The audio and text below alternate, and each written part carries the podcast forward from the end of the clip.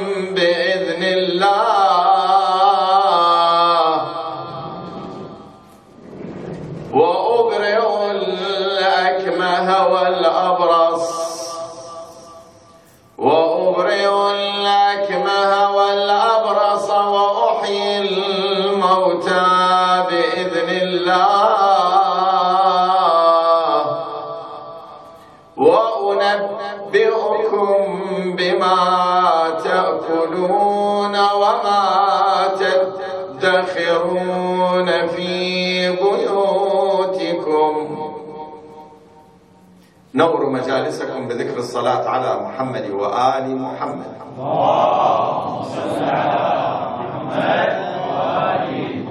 الآية الكريمة التي تلوتها على مسامعكم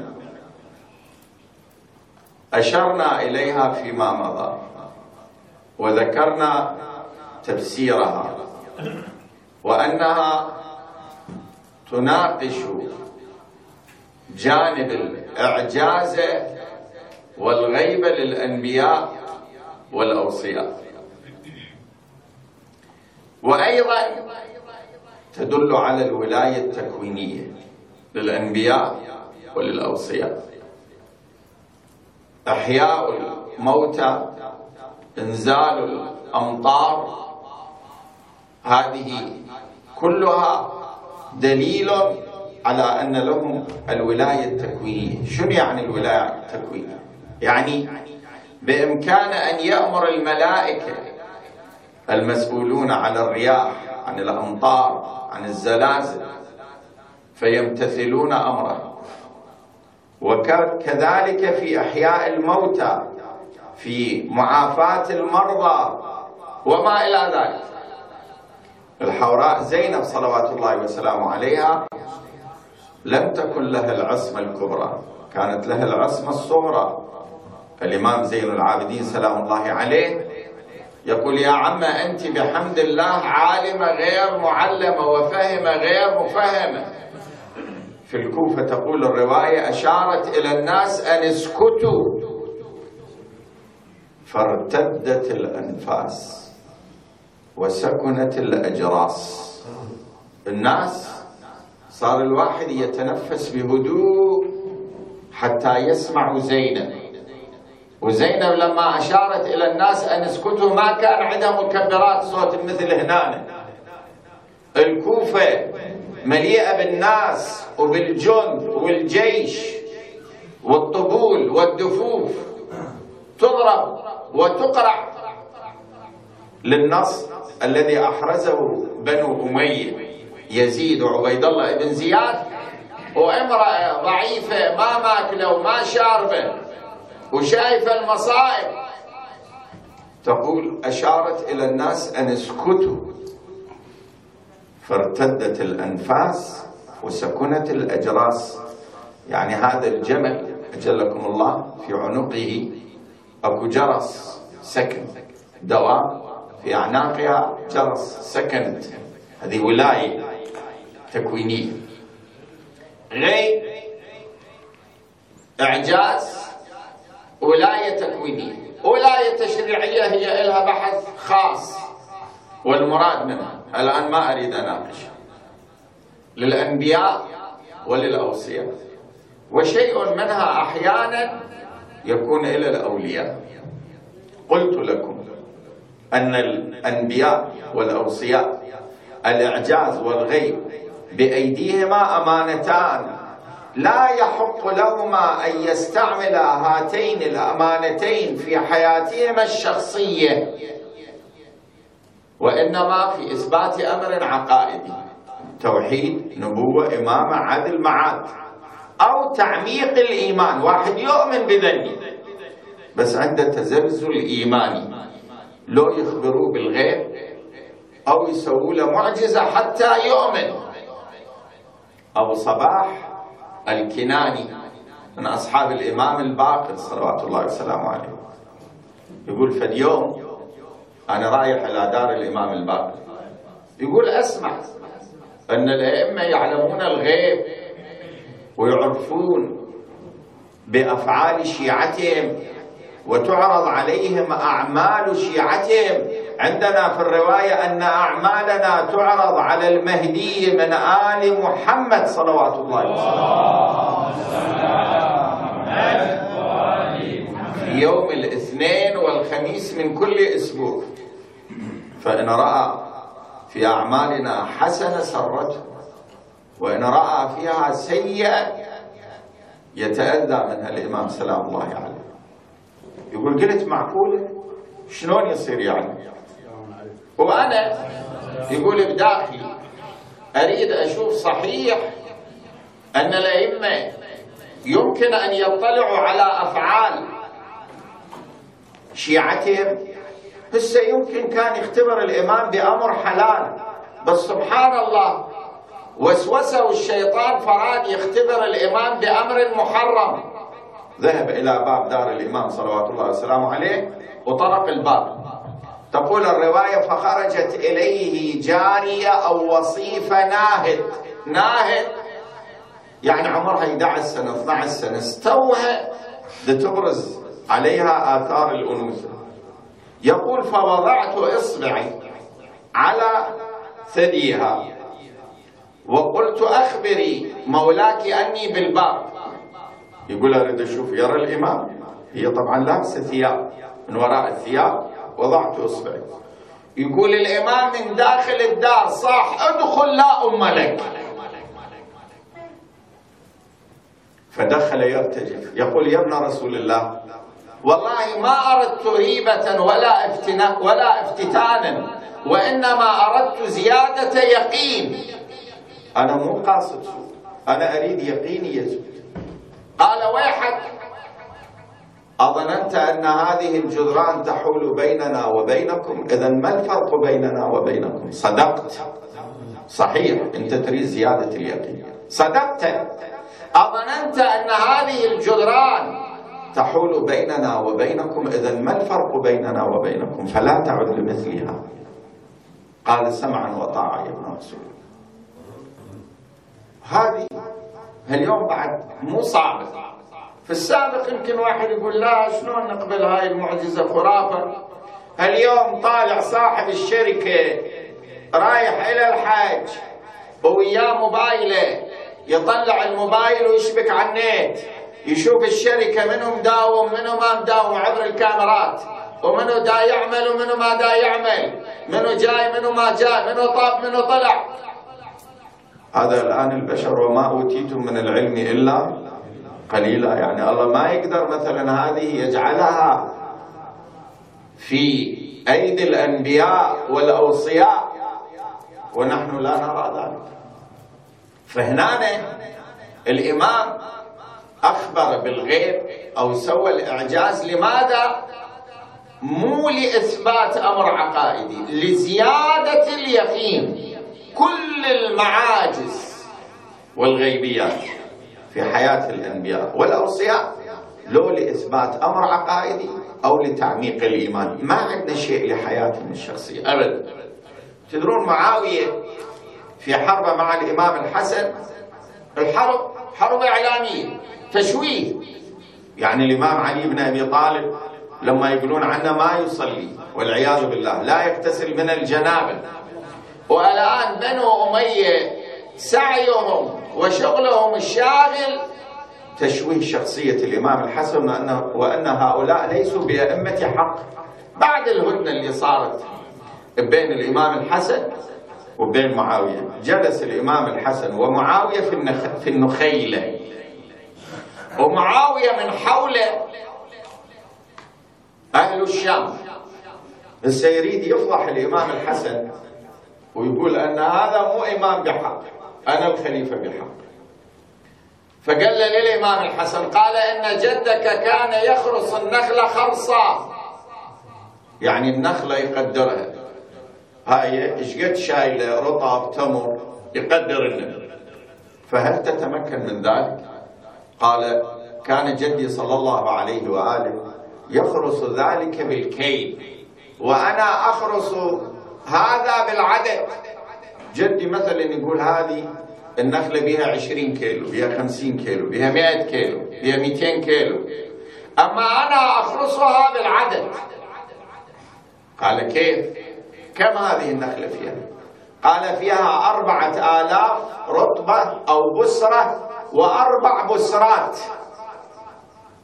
شوف هنا وين؟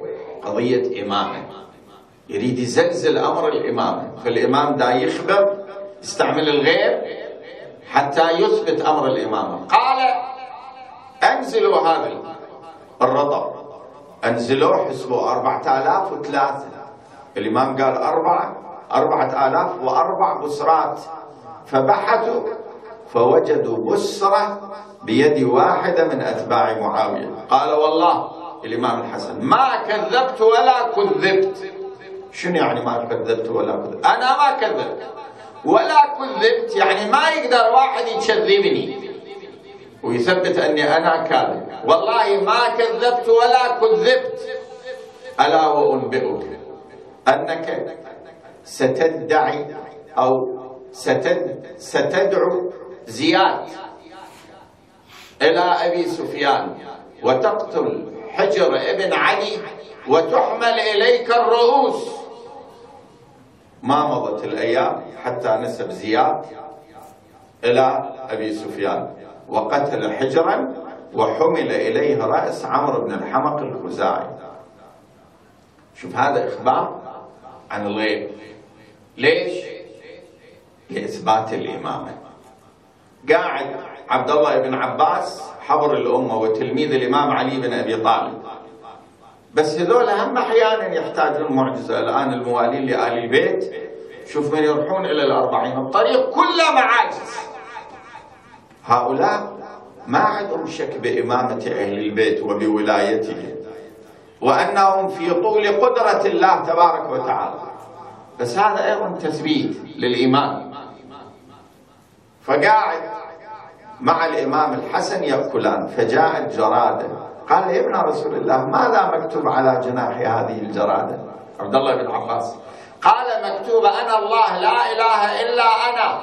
أبعث الجراد إلى قوم جياع فيأكلونها طعاما وأبعثها إلى قوم فتأكل طعامهم أحيانا الجرادة ترسل حتى الناس يأكلوها لجوعهم ومرة ترسل تأكل الحنطة والشعير وتسوي فقر في البلاد. فقام وقبل ما بين عيني الإمام الحسن. بعد الإمام الحسن جالس ومرت بهم بقرة أجلكم الله. وجمع من الناس ومعاوية دا يشتغل الإعلام ماله الإمام الحسن قال هذه البقرة تحمل عجلة في بطنها. في جبهتها غرة بيضاء ورأس ذنبها أبيض. رأسا أخذوها إلى القصاب. ذبحوها فأخرجوا العجل. رأوها سوداء في جبهتها غرة بيضاء وعلى رأس ذنبها بياض. وهذا اليوم مو بعيد. اليوم السونار تروح الامرأة يبينوا لها أن هذا الجنين ولد أو بنت. وش قد عمره؟ وكم شهر؟ وكم يوم؟ وشنو وضعه؟ وشنو أوصافه؟ هذا علم البشر وما أوتيتم من العلم إلا قليلا. طبعا لا يخفى عليكم. اليوم الدراسات تقول أن الإمرأة الحامل إذا كثير تعرض نفسها إلى السونار من أسباب مرض التوحد في الأطفال. شايفين اليوم الأطفال من الأمراض المنتشرة مرض التوحد. لأن يوميا رايح نسوي سونار كل شهر شهرين يعني فترة الحمل ثلاثة أربع مرات يسوي سونار وبعدين لما يجي الطفل يقابل شاشة التلفاز والكرتون والبابايات ساعات أو كامش الآيباد وساعات يلعب. فيجمد مخه يصير عنده كسل في خلايا دماغه فيصاب بمرض التوحد. الإمام يخبر بذلك. قالوا له يا ابن رسول الله إن دارك قد اشتعلت فيها النار بيتك احترق. الإمام الحسن جالس قال ما هي بداري بعيد. قالوا له يا ابن رسول الله إنها النار. قال ما هي بداري بعدين اجى واحد قال إنها دار مجاورة لدار الإمام الحسن. شوف قاعد الإمام. كيف عرف؟ هذا هو الغيب. إذا نريد نفسره بالآليات العلم الحديث يعني هاي الكاميرات والنيت وما قالت. هذه بإمكان الباري أن يجعلها بين أيدي عباده. أنا أتذكر قبل ما ينزل الموبايل وكذا نزل في الجهاز اسمه بيجر. بيجر شيله وياك يخابروك. يطلع عندك رقم البيت. يعني البيت عندهم حاجة وياك. تروح من أي مكان عنده تليفون تخابر أو صديقك يخابرك. تروح أي محل عنده هاتف وتخابره. بيجر الشكل الكبرى صغير. إحنا كنا نقول يابا إن في الرواية إن الإمام المهدي من آل محمد صلوات الله وسلامه.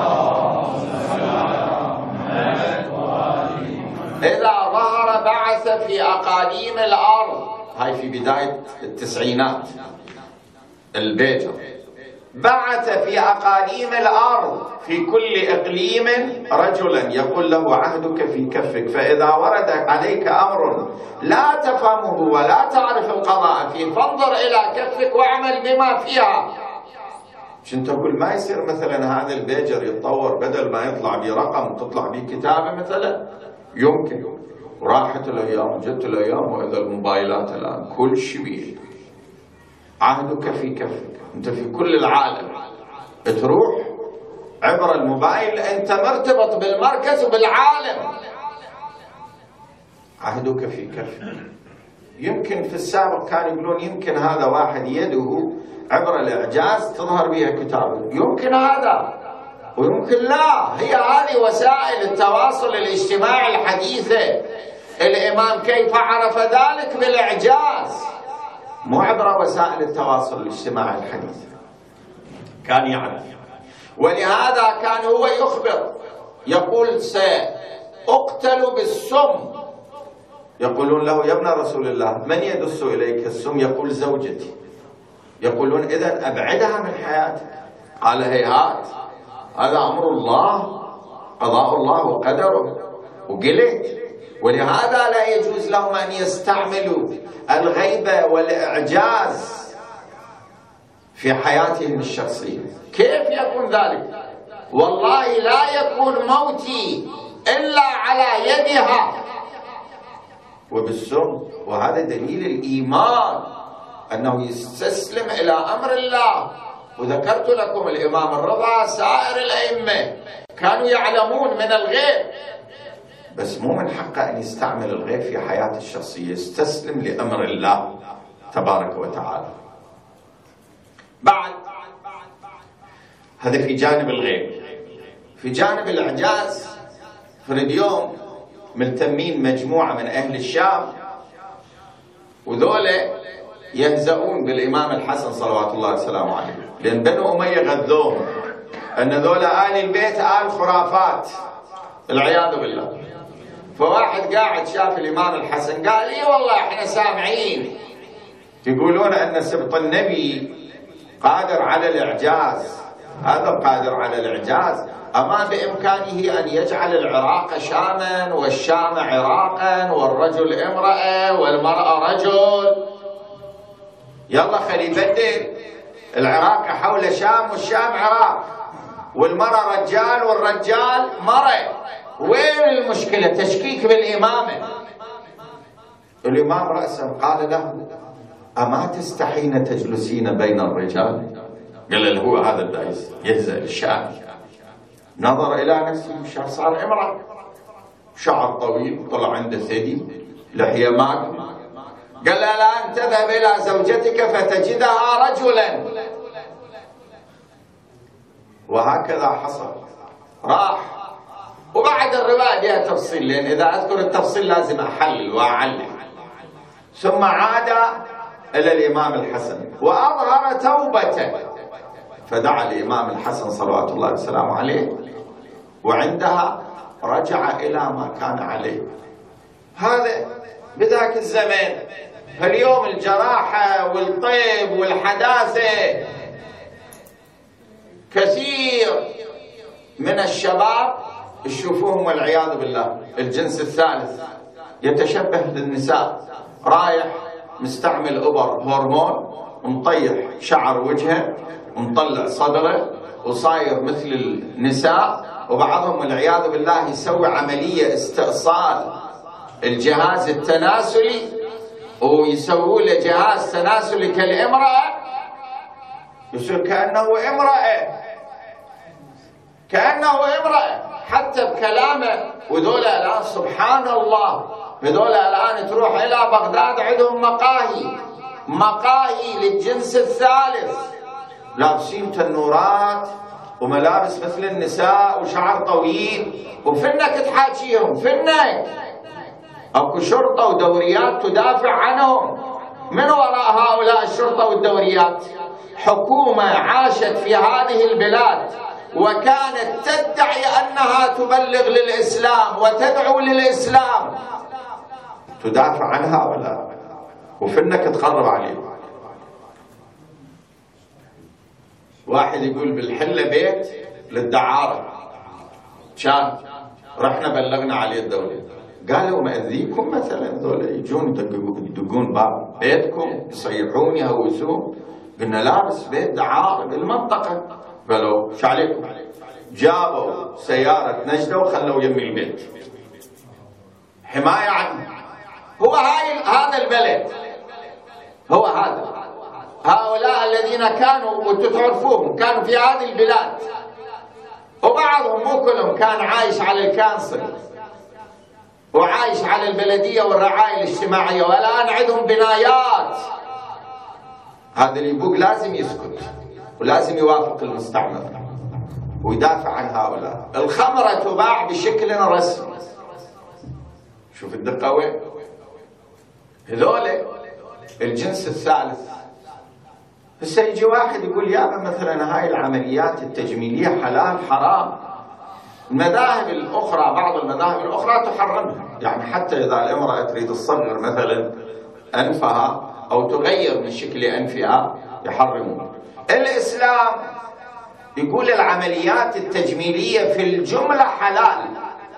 إذا ما يصير بها محرمات. يعني امرأة تروح الطبيبة جراحة امرأة مثلا تريد مثلا تغير من أنفها تصغره تغير من شكله أو مثلا استعمال تضخيم الشفايف أو الوجنات.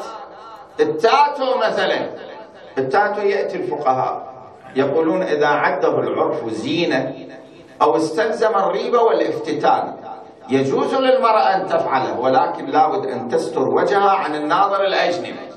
تستره.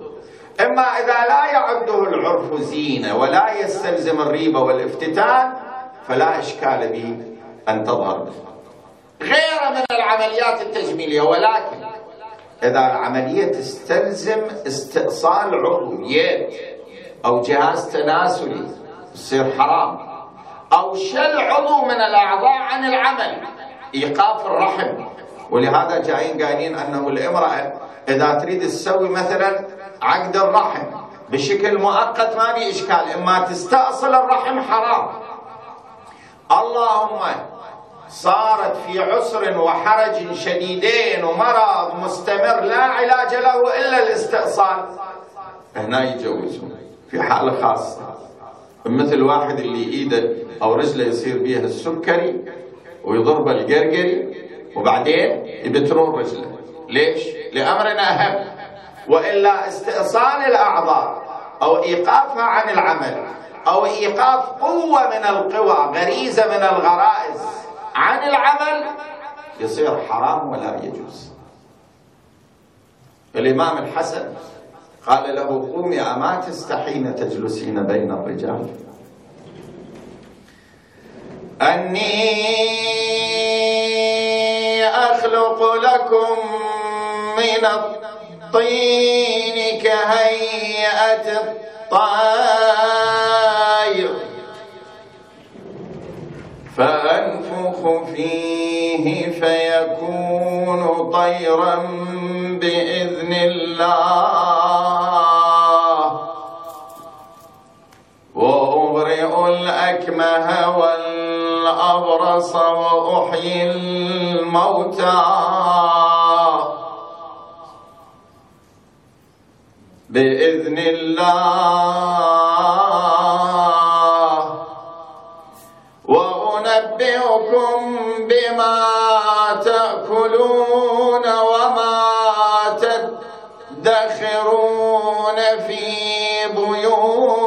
بيوتكم بعد.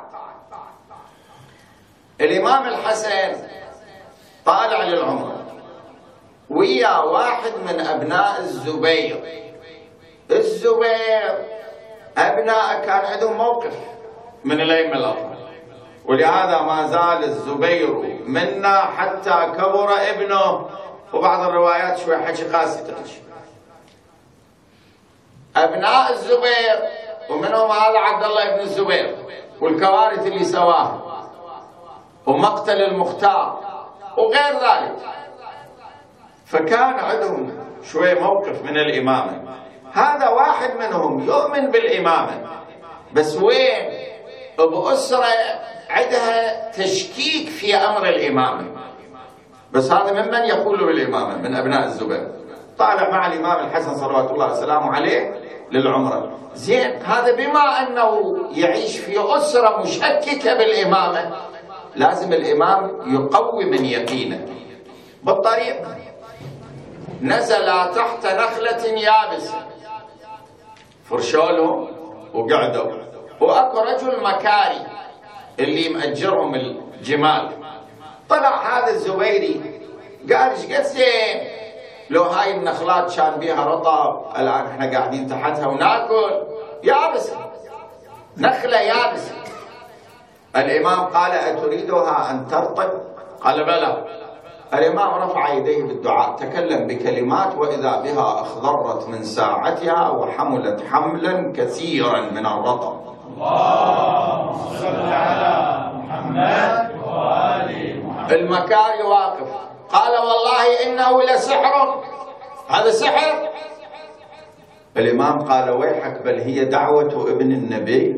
هذا مو سحر هذه دعوة لابن النبي صلى الله عليه وآله. يقول فأكلنا منه وحملنا منه كثيرا. هذول المشعوذين كثيرا ما يسوون تمويه للعيون. الشيء ما له واقع. إما أكلنا منه وحملنا منه شيئا كثيرا. شوفوا الدقة وين؟ إجولة. هذه القضية عندنا أن النبي صلى الله عليه وآله مر بخيمة أم معبد. أم معبد. ومر عليها النبي صلى الله عليه وآله وقالت ما عندي أنا شيء. ما عندي غير هذه المعزة. فالنبي أمر بذبحها. قالت عفوا لا لبن فيها. النبي صلى الله عليه وآله قال علي بها. فمسح على ظهرها فامتلأ ضرعها لبنا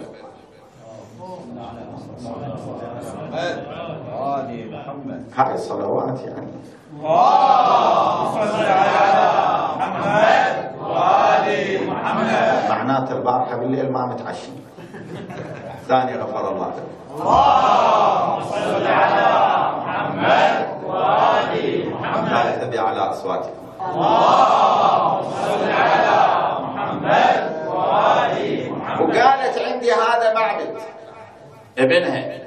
مريض قطعة من اللحم كأنما شل الرباعي النبي أخذ شيء من التمر مضغه فجعله في فمه فعاد صحيحا من ساعته. اللهم صل على محمد وآل محمد ثم رمى النوى.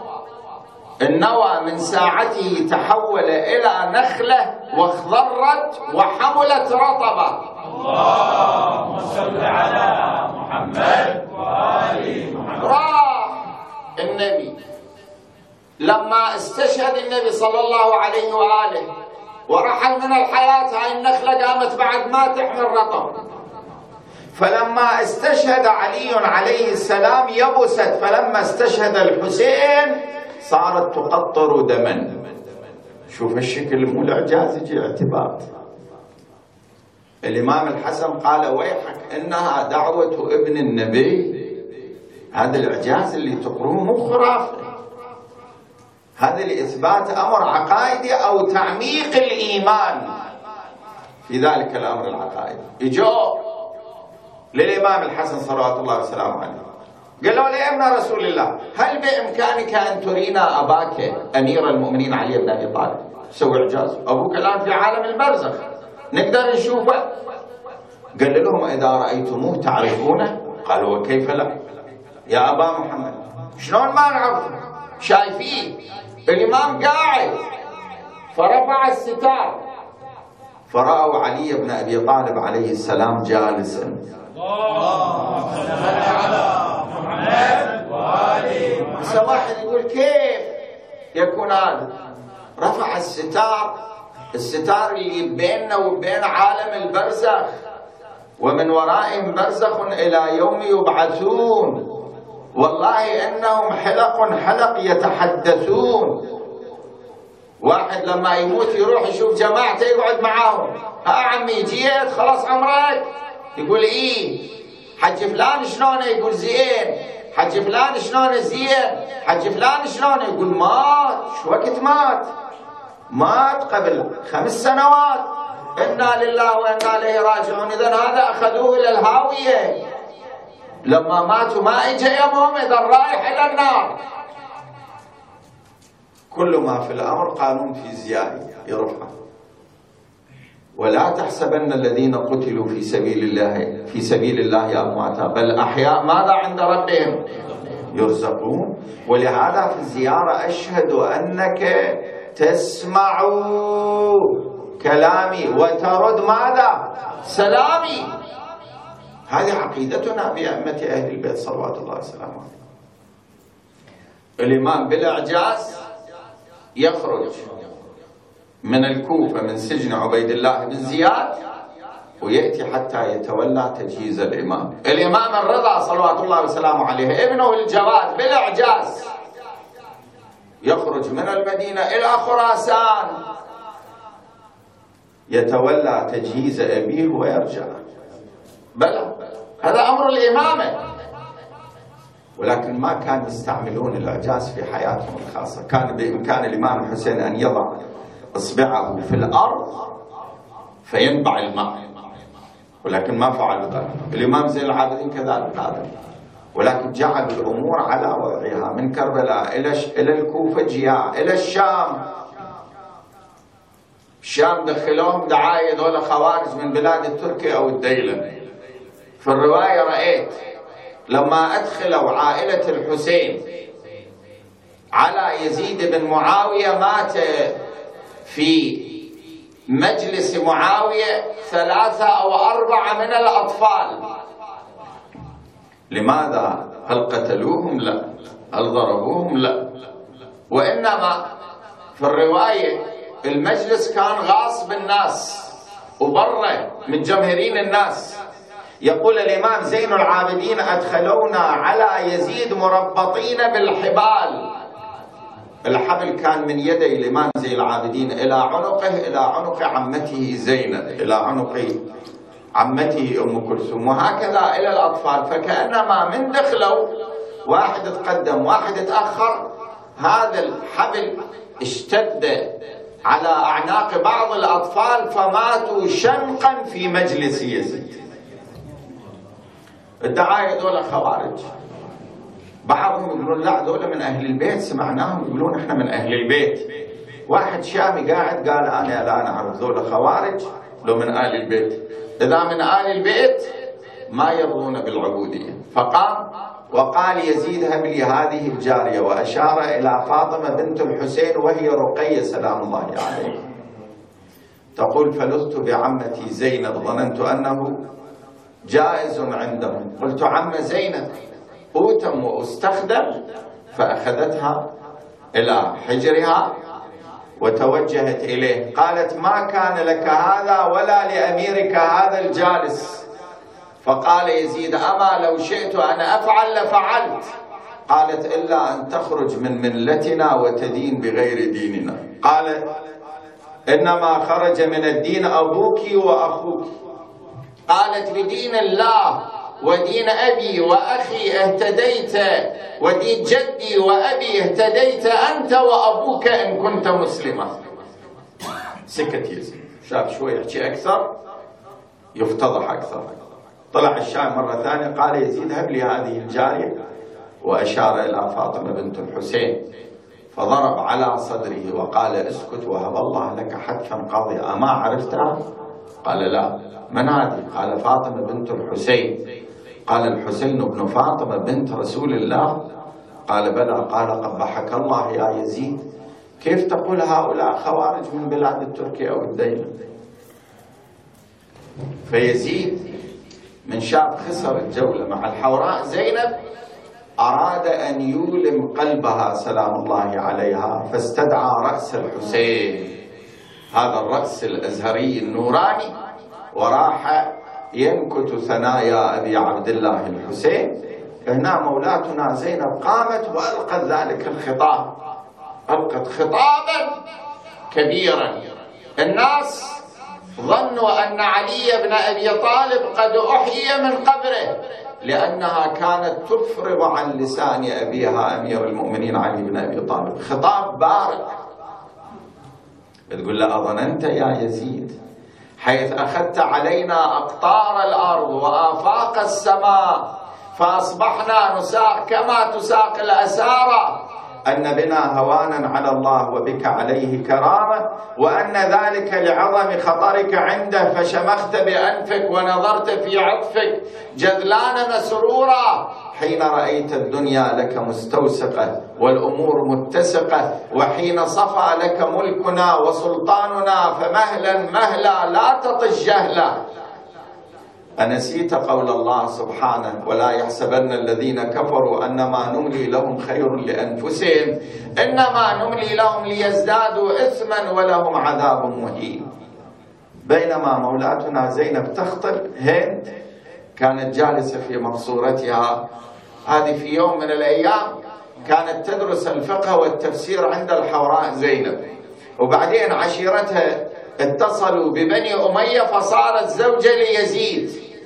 أطرقت برأسها إلى الأرض سألتها بعض إمائها أميرة ما لي أراك مطرقة؟ قالت ويحك أنا أسمع صوت يشبه صوت سيدي ومولاي علي بن أبي طالب. قالت سيدتي أين نحن من علي بن أبي طالب؟ علي بن أبي طالب قتل في سنة أربعين ونحن في سنة ستين.